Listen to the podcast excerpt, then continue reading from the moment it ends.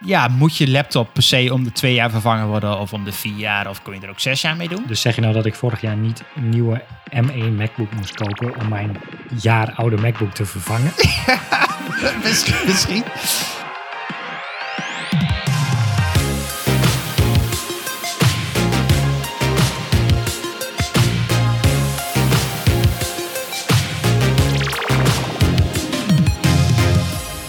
Bij de Pixel Paranoid podcast. Ik ben Mikelle en samen met mijn co Rick gaan we alles behandelen rondom UX, UI en frontend development. En ehm, ja, deze aflevering weer een allegaatje aan leuke onderwerpen. Ehm, nou ja, laten we beginnen met een, een, een heugelijk nieuws. Want eh, zoals elk jaar eh, is er Spotify Wrapped. En ehm, dat geeft een soort van overzichtje eh, naar waar jij naar luistert, denk ik, de afgelopen jaar eh, naar Spotify. Maar het doet ook zoiets voor eh, podcasters, of degene die podcasts maken en online zetten bij Spotify. Wij dus. En eh, daar kregen we ook een overzichtje van. En die vond ik wel even grappig om te delen. Eh, ja, het tilde niet te veel, te zwaar aan, maar we zitten blijkbaar in de top 20% meest gevolgde podcast. Maak ervan wat je wil. ja, eh, ja, precies. Ik weet niet hoeveel podcasts er gehost worden bij Spotify. Dat zullen er vast echt heel veel zijn. Eh, maar toch Maar leuk goed, we dat zitten bij- in de top 20. Ja. Eh, we zitten blijkbaar ook in de top 25 meest gedeelde podcasts. Dus dat zijn de, jullie luisteraars die blijkbaar onze afleveringen delen. Eh, wereldwijd. Dus dat is ook awesome. Voor alleen een Nederlandse podcast Ja. is, is, vind ik dat wel oké. Ja, wel en, cool. en, en de landen waar wij het meest geluisterd worden, dat zeiden, hadden we vorige aflevering ook al even een beetje over. Nou, Nederland, de, eh, België, nou ook logisch. Maar eh, bij Spotify is nummer drie land is Thailand. Dat vond ik eh, bijzonder. Dus ik weet, oké.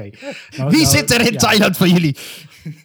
Dan haal- halen we toch zeg maar die andere stads een beetje onderuit. Want ik weet niet waar die plays uit Thailand vandaan komen. Maar Nee. eh, thanks. Thanks, though.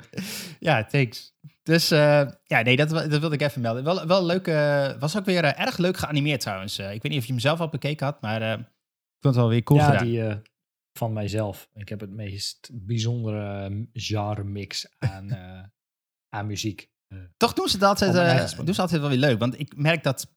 Dat is eigenlijk best wel slim. Want heel veel mensen delen dus die, die stad met iedereen en alles. Ja, dat is voor Ja. hun gratis PR natuurlijk. Dat is echt briljant. eh, ja, ja. Ja, iedereen gaat dat doen. Ze maken nog een playlist voor je, dus daar heb je ook nog weer Ja, nee, ja, dat- iedereen die geen Spotify heeft, die denkt... "Oh." Maar wel, volgens mij staat er geen swipe up to subscribe ding bij, zeg maar. Het is wel gewoon echt een plaatje die je deelt. Maar Hmm. Ja, goed, doet niet toe. True. Is wel, eh, is wel leuk. Ehm asides? Ja, ja. eh, begin maar. Kijk maar af.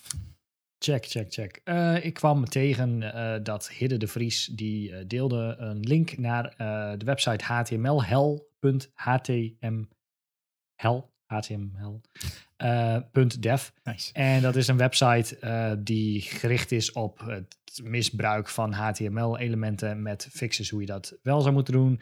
Eh, Oké. De allersimpelste is, hey, gebruik geen eh, div eh, om een knop te stylen, terwijl het eigenlijk een button zou moeten zijn. Eh, allemaal van dat soort dingetjes. Maar ze hebben ehm, eh, dit jaar wederom een ehm, adventkalender. Oké.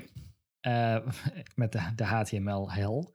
Eh, hij heeft eh, 24 mensen ehm, bereid gevonden om een artikel te schrijven over van alles en nog wat. Van accessibility tot performance, usability en security. Alright. Ehm, die je vanaf 1 december, ehm, en als deze aflevering online komt, was dat vorige week.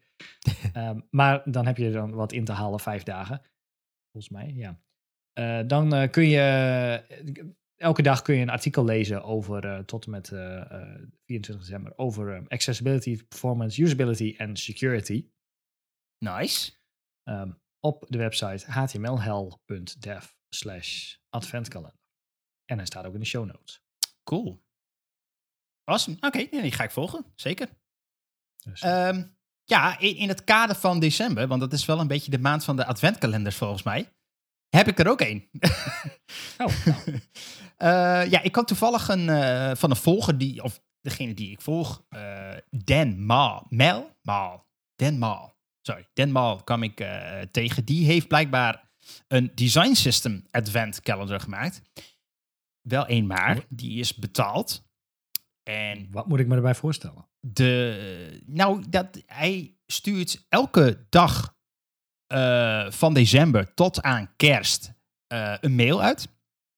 Met allerlei tips en tricks voor design systems. Eh, en dat schrijft hij zelf. Hij is, nou, Mr. Design System, om maar zo te zeggen. Want hij doet echt van alles. Hij heeft een boek geschreven met, dat heet volgens mij Oh. Design System in 90 Days. Ja, ja, ja, ja. Die, heb ik, eh, die, die kwam laatst voorbij inderdaad. Die, die kon je, was in de, of in de aanbieding. Hij deed een promotie Oh, eh, op eh, sale. Black Friday. ja, zoiets inderdaad. Maar dat, die, dat, die leek mij wel interessant. Ja. Nou, hij, heeft, hij zit ook in allerlei podcasts. Hij werkt veel samen met onze beste maat Brad Frost.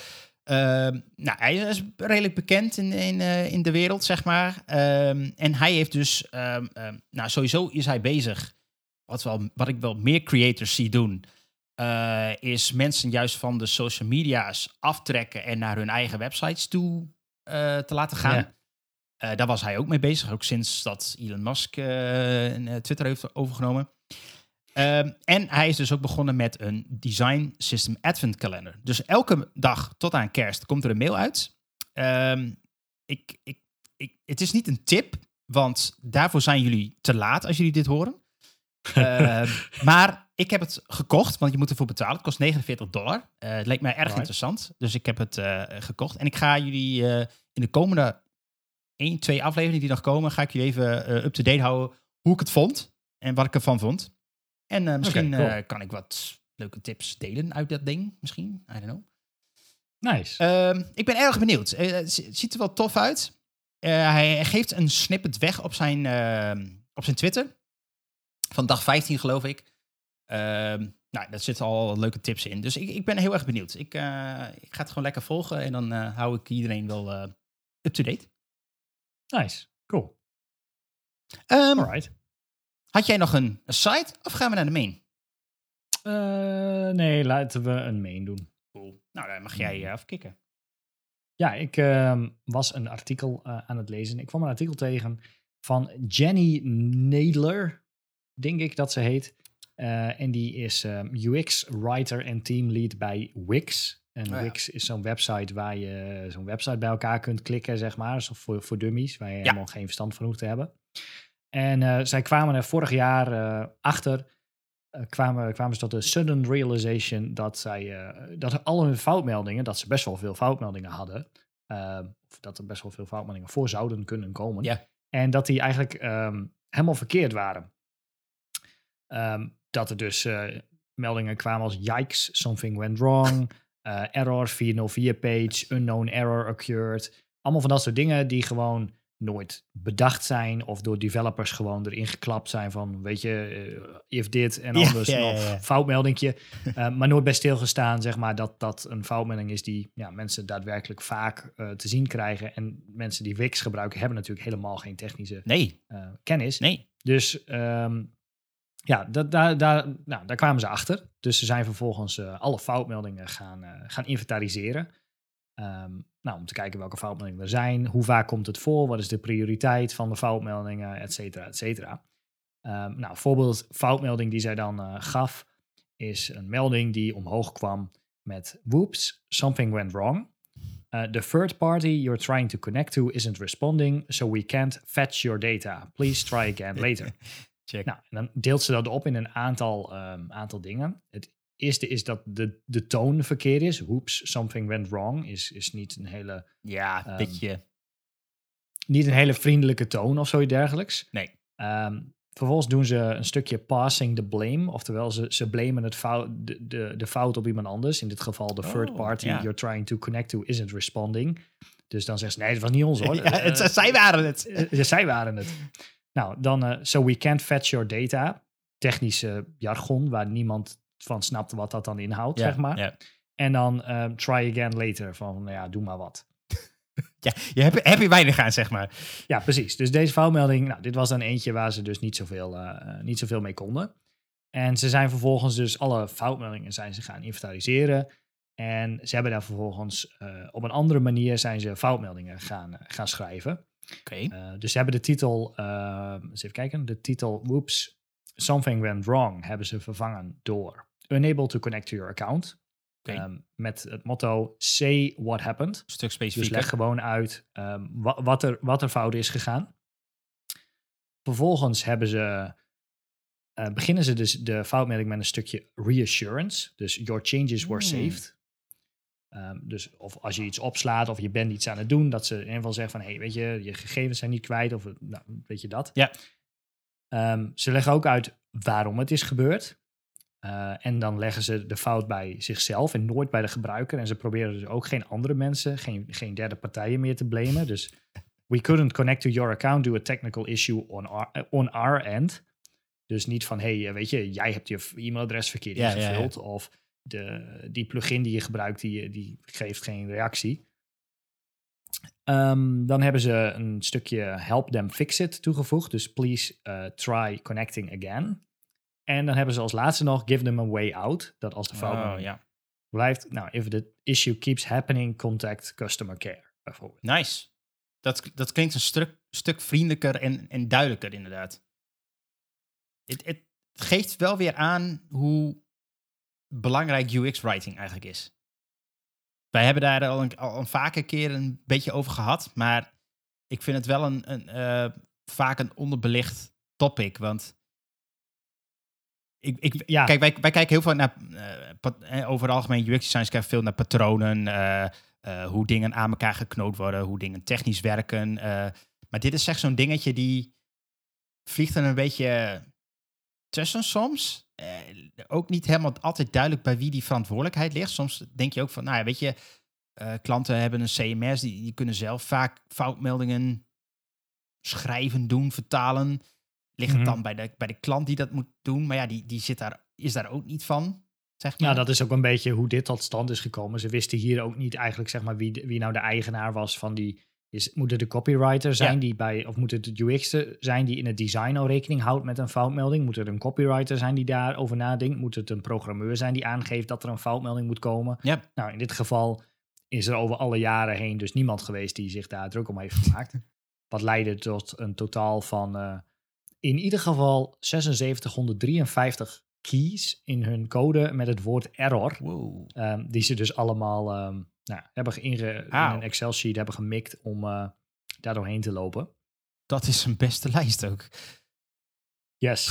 Maar uh, ja, hun, hun toptip uh, was eigenlijk dus gewoon om uit te leggen wat er gebeurd is. En dus niet van whoop, something went wrong. Maar als je naar de dokter gaat en die met een probleem... Als je, als je ja, die precies. whoop ziet, uh, hoort zeggen, dan denk je... En die zegt, whoop, something went wrong. Ja, de chirurg, dat hij dan zegt, nou, dat word je niet blij van. Dus gewoon uitleggen wat er gebeurd is. Dat ze zich geen zorgen hoeven te maken als, het een, als dat een probleem... Uh, als foutmelding ergens voorkomt waar dat een probleem zou kunnen zijn. Yeah. Um, en dan vervolgens een, een oplossing geven. Uh, en niet nou, proberen dat uit te leggen dat het niet bij de gebruiker ligt, zeg maar, in dat geval. Ik, ik moet een beetje denken, ik weet niet of het, volgens mij hebben we dat ook in een van de afleveringen besproken. Ik weet niet meer van wie het was, maar dat was volgens mij zo'n beetje zo'n dark patterns, wat we, hadden we het toen over. Over dat je een van de producten ging opzeggen en dat je drie developers zag, of drie mensen die dat product oh ja, hadden wie, gemaakt. Wie, wie heeft ja, het fout gedaan? ja, precies. Ja, wie, wie, schuld moet was het? schuld geven? uh, dat, het, ja, het, het, het, sowieso kun je daar als gebruiker ook gewoon niks mee als in de foutmelding staat van uh, uh, because of a third party. Ja, mooi voor jou, maar wat heb ik daaraan? Ja, en verder gaven ze ook nog dat, er, dat, ze dat, dat ze ook nog heel veel problemen hebben opgelost met te generieke en onduidelijke foutmeldingen. Mm. Bijvoorbeeld something went wrong and this action could not be completed. Heb je niks aan. En make sure you are allowed to request permissions and try again. En dan denken mensen, ja, wat zijn nou weer permissions? En daar ja, heb ik ook helemaal geen verstand vrij technisch, ja.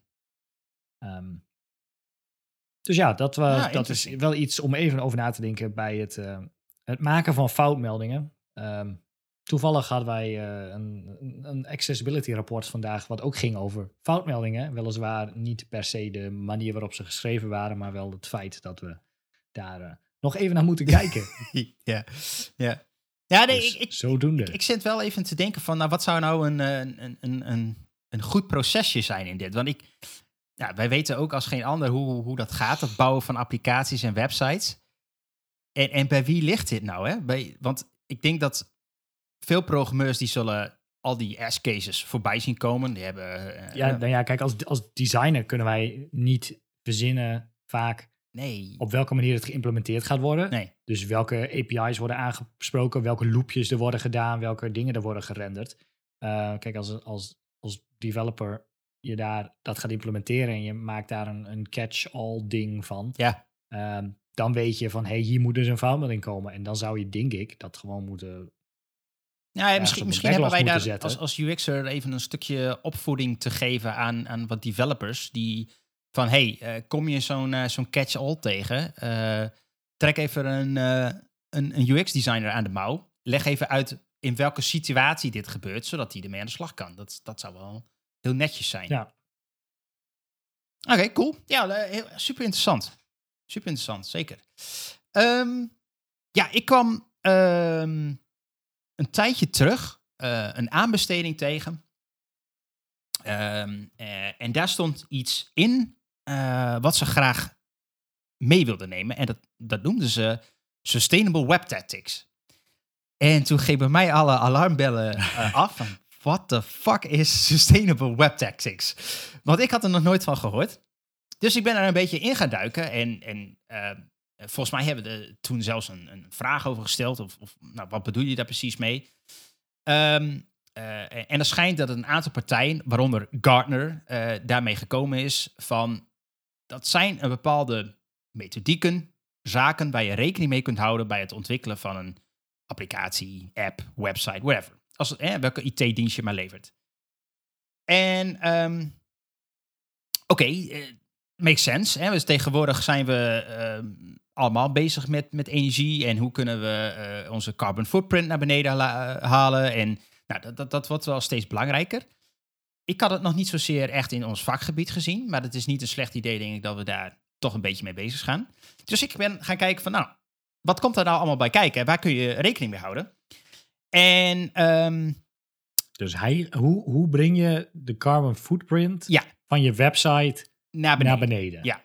Oké. Okay. Um, dan moet je in eerste instantie natuurlijk weten van wat verbruikt mijn website überhaupt nu aan carbon footprint. Nou, daar blijken er een aantal partijen te zijn die dat voor je kunnen uitrekenen. Bijvoorbeeld websitecarbon.com. Daar kun je gewoon een URL intikken.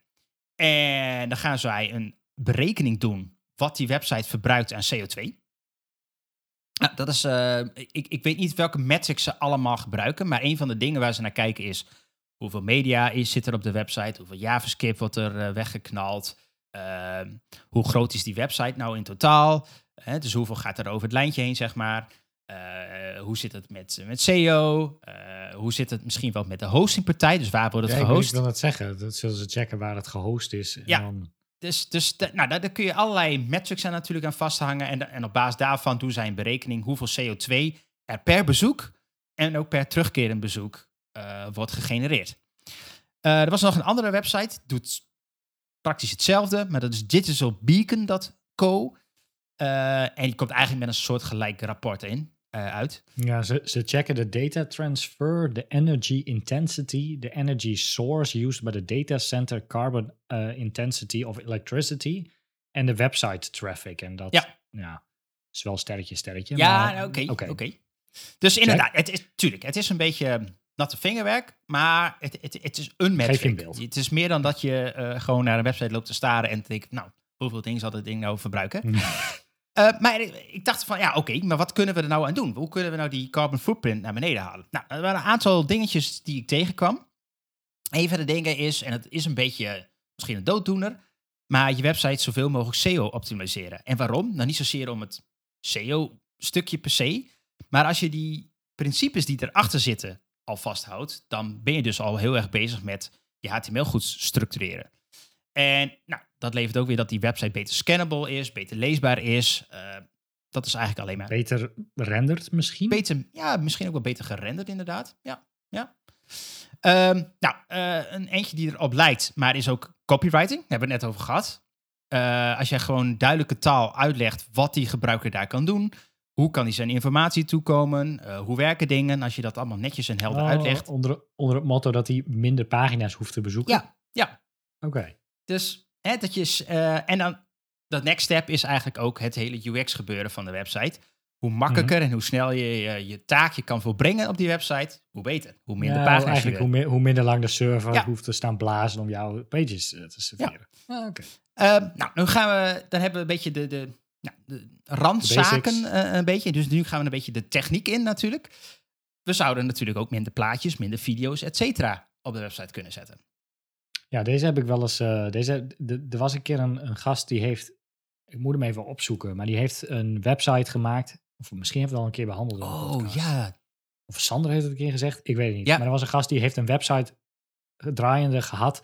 Op basis van een zonnepaneeltje in zijn vensterbank Ja, of ja, zo. ja, ja, ja. En daar stond dan hoe lang die website al online was. En Was dat Ja, niet dat op een, op een ehm, eh, zo'n zo, zo'n Pi Light, Pi Mini, die op een Zo- zonnepaneeltje en inderdaad...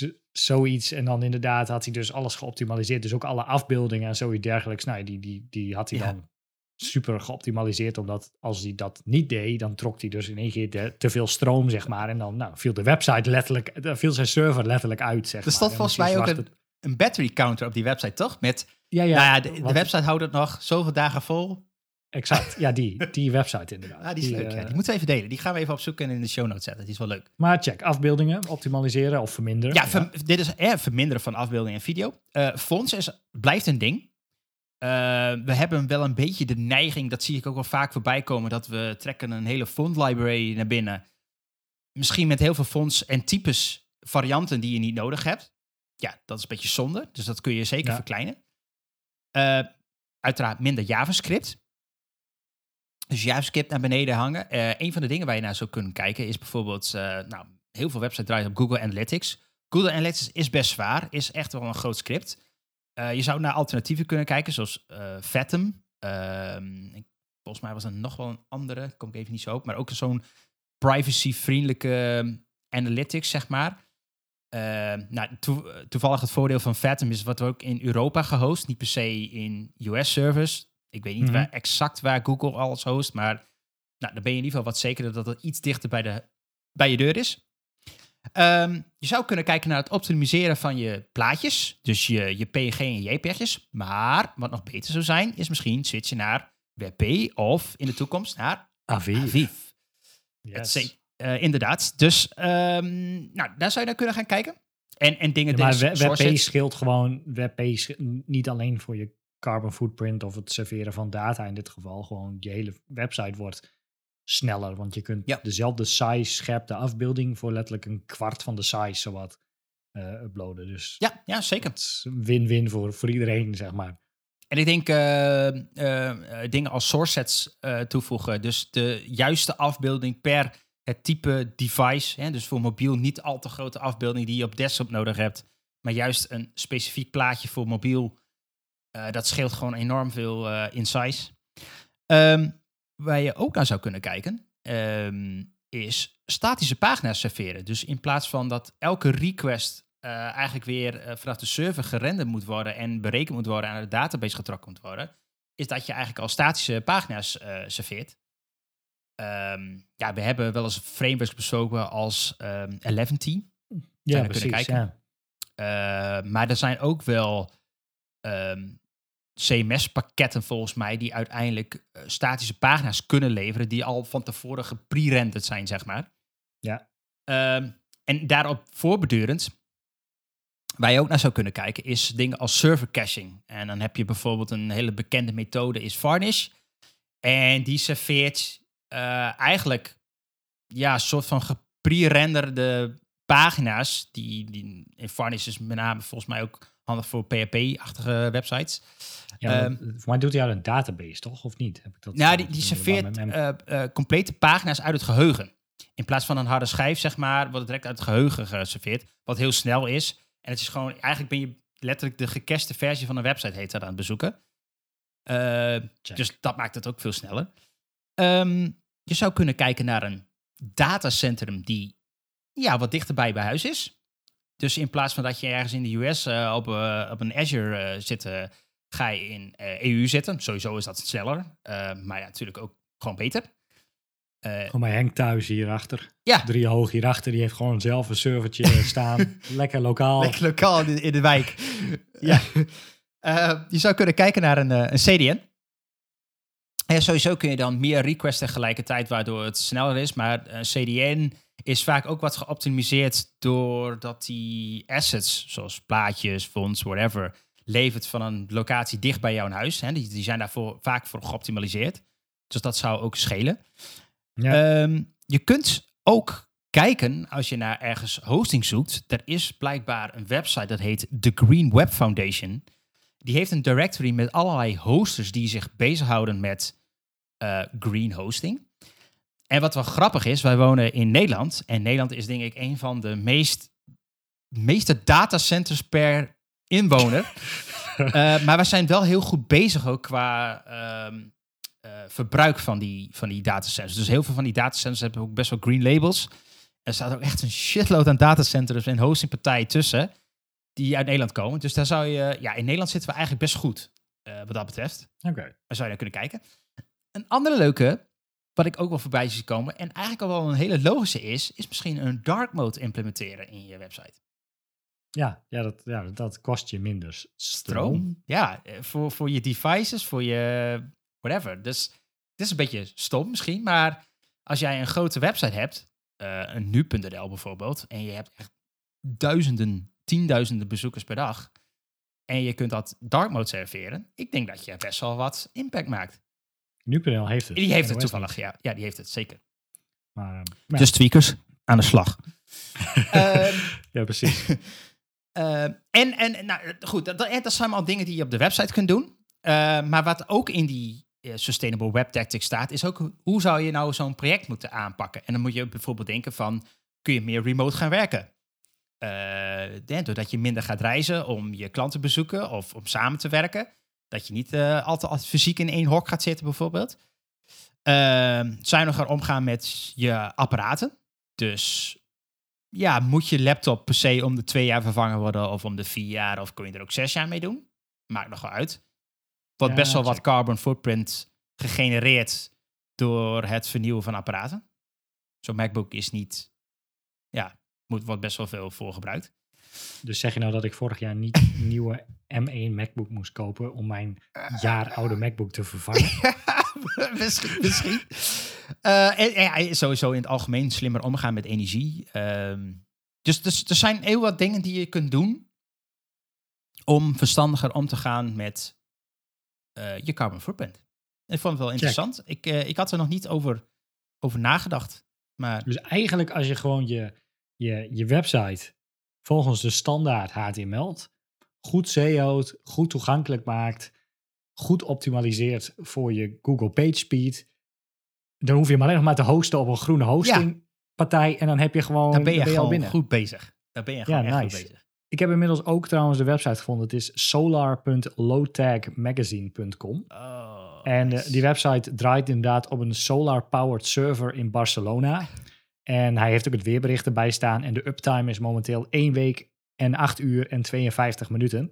De website gebruikt 1,8 watt momenteel. Nice. Dus ehm, Ik vind het echt super cool, moet ik eerlijk de zeggen. batterij is nog 74 procent. De, de nerd in mij denkt van, awesome. ja, dit is, wel, eh, dit is wel cool. ja, dat is zeker De, cool. de website draait op een 30 watt solarpaneel en een 168 wattuur batterij. Cool. Ja. Dus eh, ja, dat is wel cool. Ja, nou, we zetten hem in de, in de, in de show notes. Eh, ja, dat was even mijn, eh, mijn main. Alright, ik heb nog wel, nog wel wat anders. Ik kwam een artikel tegen van Leonie Watson. ehm, die schijnbaar een paar jaar geleden zich eens druk heeft gemaakt over een CSS-property genaamd Speech. Oké. En ehm, dat liep toen dood. maar ze heeft nu weer een blogpost geschreven om het opnieuw onder de aandacht te brengen. Omdat toegankelijkheid, et cetera, nu een, nou, veel meer een ding is. Eh, en ze heeft ook eh, volgens mij toestemming gekregen. Of iets van de W3-organisatie om, er, eh, om er verder mee, mee bezig te gaan. The working group accepted my offer to edit the CSS speech module. Um, maar wat het inhoudt, is dat je een CSS-property krijgt, genaamd speech. Eh, en die moet eigenlijk functioneren op dezelfde manier als dat display none doet voor visuele eh, properties. Dus display none, daarmee kun je iets visueel hiden en ook iets voor screen readers hiden. Oh. Maar ze wil eigenlijk een, een speech property introduceren, waarmee je dus kunt zeggen of dat element moet worden voorgelezen door screenreaders of niet. Dus het is eigenlijk de CSS-variant van idee. De CSS-variant van Area Hidden. Ja, Ehm, alleen kun je hem dan met CSS toggelen, wat je nu met JavaScript moet doen. ja. Dus nu moet je een area hidden of een, ja, of, je moet je op Ja, true of false ja. zetten bijvoorbeeld als je een accordeon open dichtklapt of, of whatever je wil gaan doen. Eh, maar dan moet je met JavaScript moet je dat doen. Maar dan zou je met, met speech zou je dat kunnen zeggen dat hij dat wel of dat hij dat niet zou moeten uitspreken. Dat zou speech zou op true moeten staan of speech op none volgens mij. Ehm, ze is nog mee bezig. Hm. Maar dan zou je dus kunnen zeggen of je dingen wel of niet moet uitspreken. Je zou vervolgens ook eh, nog een aantal properties krijgen als voice family, voice pitch, voice rate en voice volume. Waarmee je impact zou kunnen hebben op de manier waarop het wordt uitgesproken. Hoe, hoe wat, wanneer, dat is er allemaal nog mee bezig. Oké. Ze was nu alleen aan het peilen over nou ja, wat de interesse er tegenwoordig eh, in is. Ehm, maar ja, het zou een, het zou een CSS-variant kunnen worden voor, ehm, voor een area hidden. Dus ik zat te denken, hey, dat is op zich wel... eh, Dit is best handig. dat, kan, dat kan best handig zijn, inderdaad. Dus dan zou je inderdaad een, een titel kunnen CSS'en. Die, eh, nou, dan hoef je hem dus niet meer te, te screenreader onlyen met een Nee, class precies, dat, hij zeg maar dat- één, pixel is. Ja. Dat je hem visueel niet ziet, maar dat hij er wel is, zodat hij wel wordt voorgelezen. Maar dan zou je gewoon kunnen zeggen display non-speech true, weet Ja, ik veel, ja. whatever het wordt. Zoiets. Eh, of visibility hidden, whatever je erop wil gaan zetten, of welke combinatie het wordt. Maar dan zou je inderdaad met CSS kunnen zeggen dat iets niet zichtbaar is, maar wel moet worden voorgelezen. Of dat iets wel zichtbaar is, maar niet moet worden voorgelezen. Interesting. Ja, inderdaad. Ik vind dat, Vond ik ik vind dat zeker wel een goede toevoeging. Ik vind het eigenlijk nu een beetje, hoe we het nu oplossen, een beetje hacky of zo. eh. Die, die screenreader only Ja. class is inmiddels redelijk ingeburgerd. Ja, maar het, het, Ehm, is, het is natuurlijk een workaround eigenlijk, soort van. het, ja, ja, Ja. ja, het is een ingeburgerde hack inderdaad inmiddels. Een beetje de, je, de float left van vroeger. En de clear je both. maakt alles. ja, want je maakt alles. Je maakt hem één pixels eh, en- en je clipt hem en je doet er van alles en nog wat mee, waardoor die inderdaad echt niet zichtbaar is, maar er nog wel staat. Ja, ja.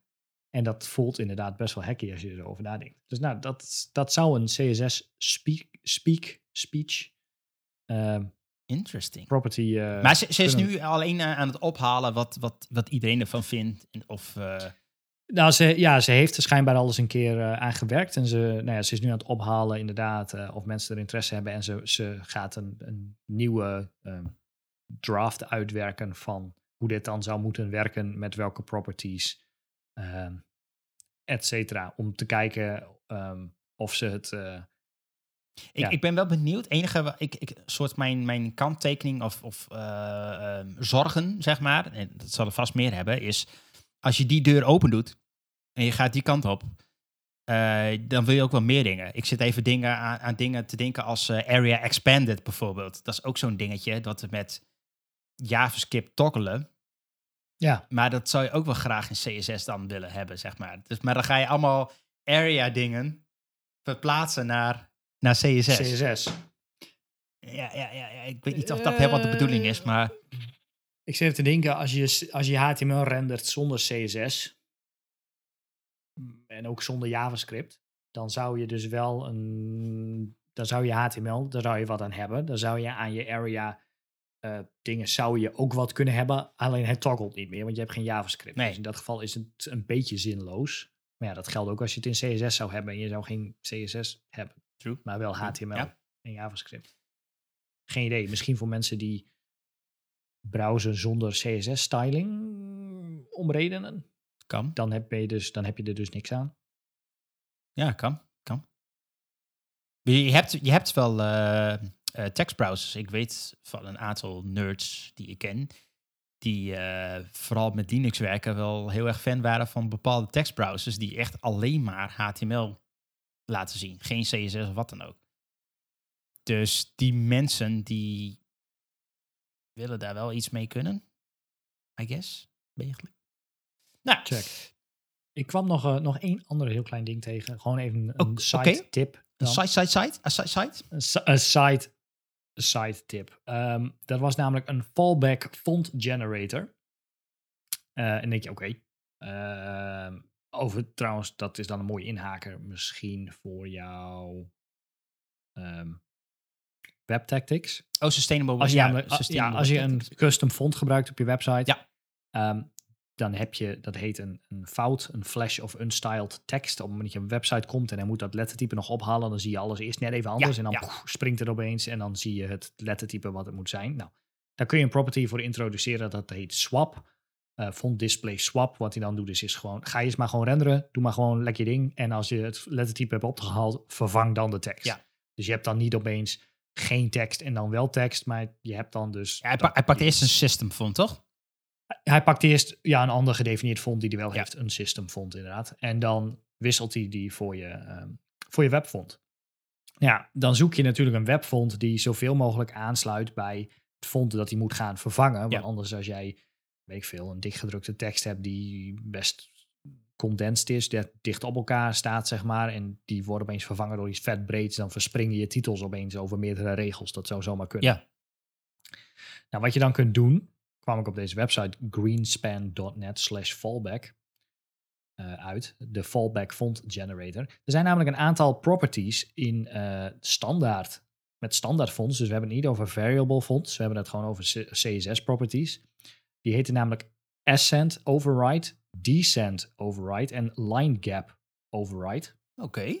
Ik had er tot voor heden niet van gehoord. Nee. Als ascent override wel trouwens. Uh, maar wat je kunt doen op deze website is je kunt, uh, als je wil, kun je jouw lettertype uploaden. Je kunt een stukje tekst intypen. Hij rendert vervolgens jouw stukje tekst met jouw lettertype.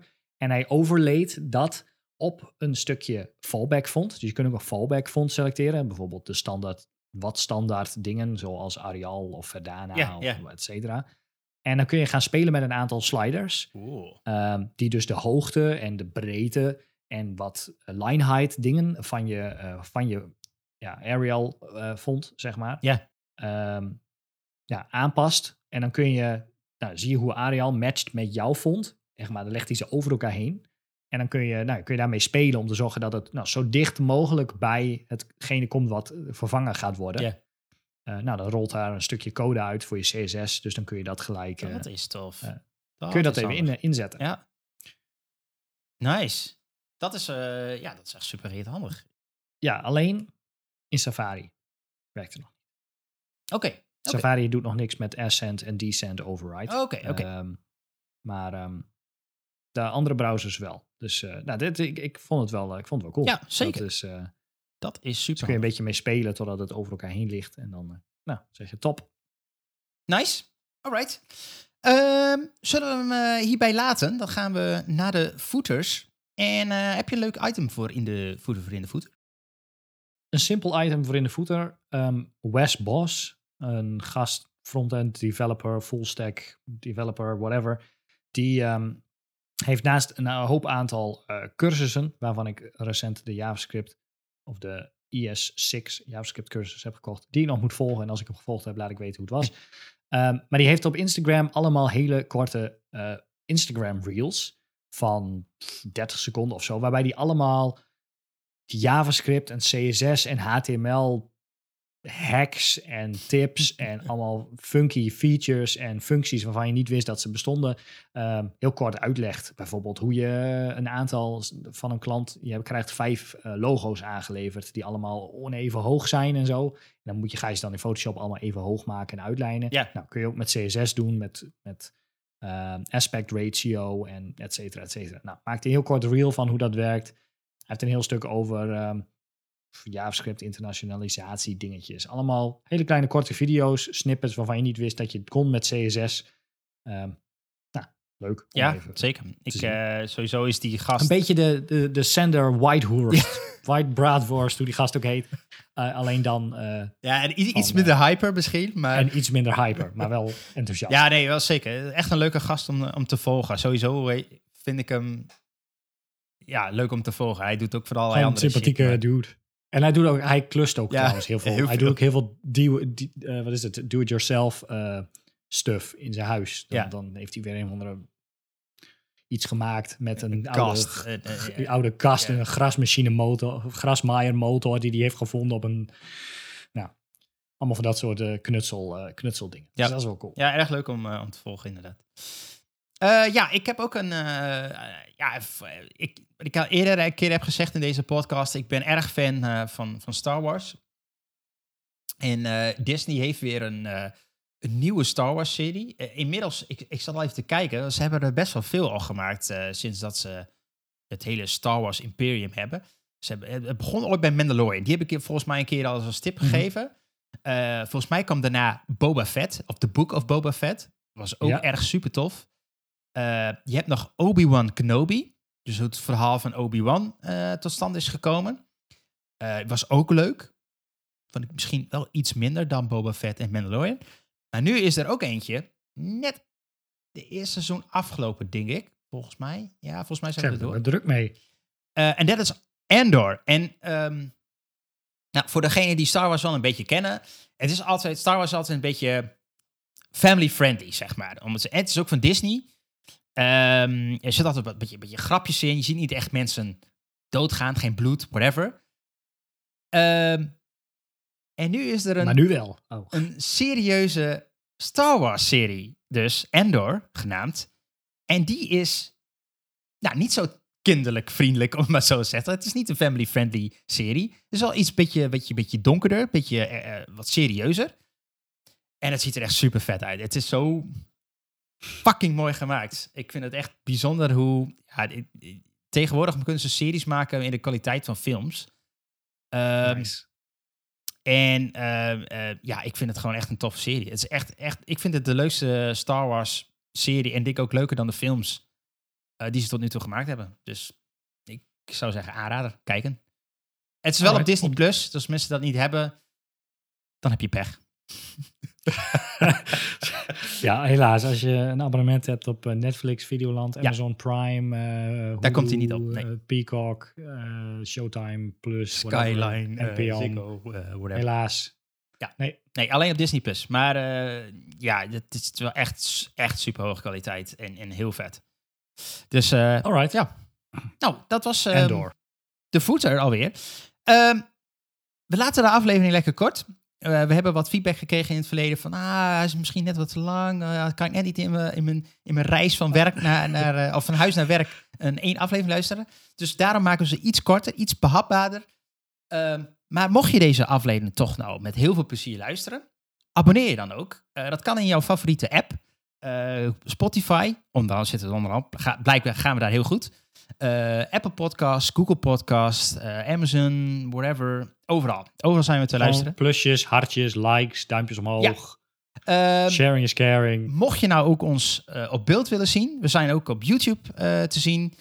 En heb je nou feedback of wil je graag met ons meepraten, ga dan even naar de Telegram. Zoek nou even naar Pixel Paranoia. Of ga naar pixelparanoia.com. En dan eh, kun je daar een reactie achterlaten of iets, iets wat je wil melden. Altijd, alles is welkom. Wij staan, eh, de deur is open. Yes. De koffie staat Yes, klaar. yes, Ehm, dan wil ik zeggen, eh, tot de volgende keer maar weer. Later. Hoi hoi.